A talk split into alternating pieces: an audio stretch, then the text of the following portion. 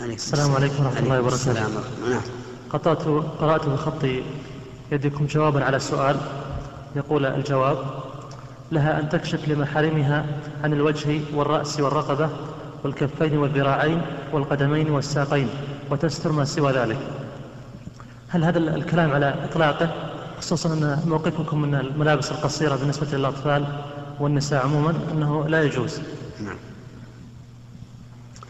نحن إذا قلنا يجوز أن تكشف كذا وكذا ليس معناها أن أنه يجوز أن الثياب تكون على هذا الحد. لكن لنفرض امرأة عليها ثوب إلى الكعب نعم ثم انكشف ساقها. لشغل أو لغير شغل.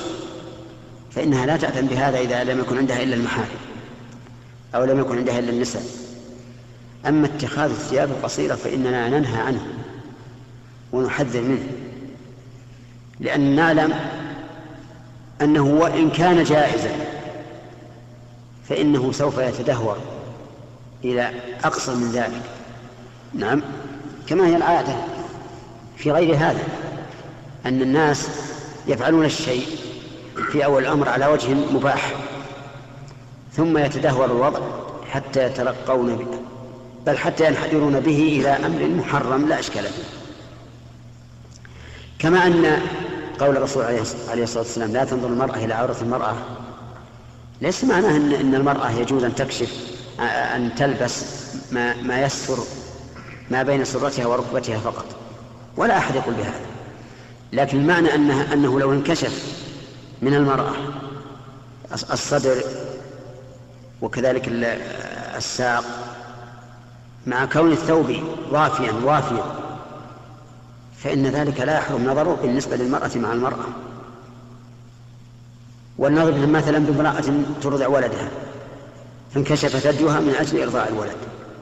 لا نقول للمرأة الأخرى أنها أن نظرك إلى هذا الثدي حرام لأن هذا ليس من العورة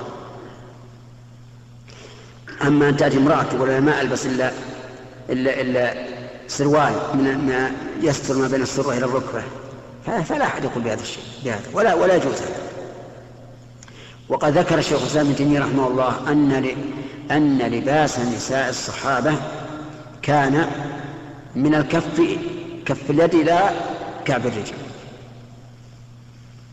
هذا إذا كنا في بيوتهن أما إذا خرجنا إلى السوق فمعروف حديث سلمة أن المرأة ترخي ثوبها رخص لها النبي عليه الصلاة والسلام أن ترخيه إلى ذراع.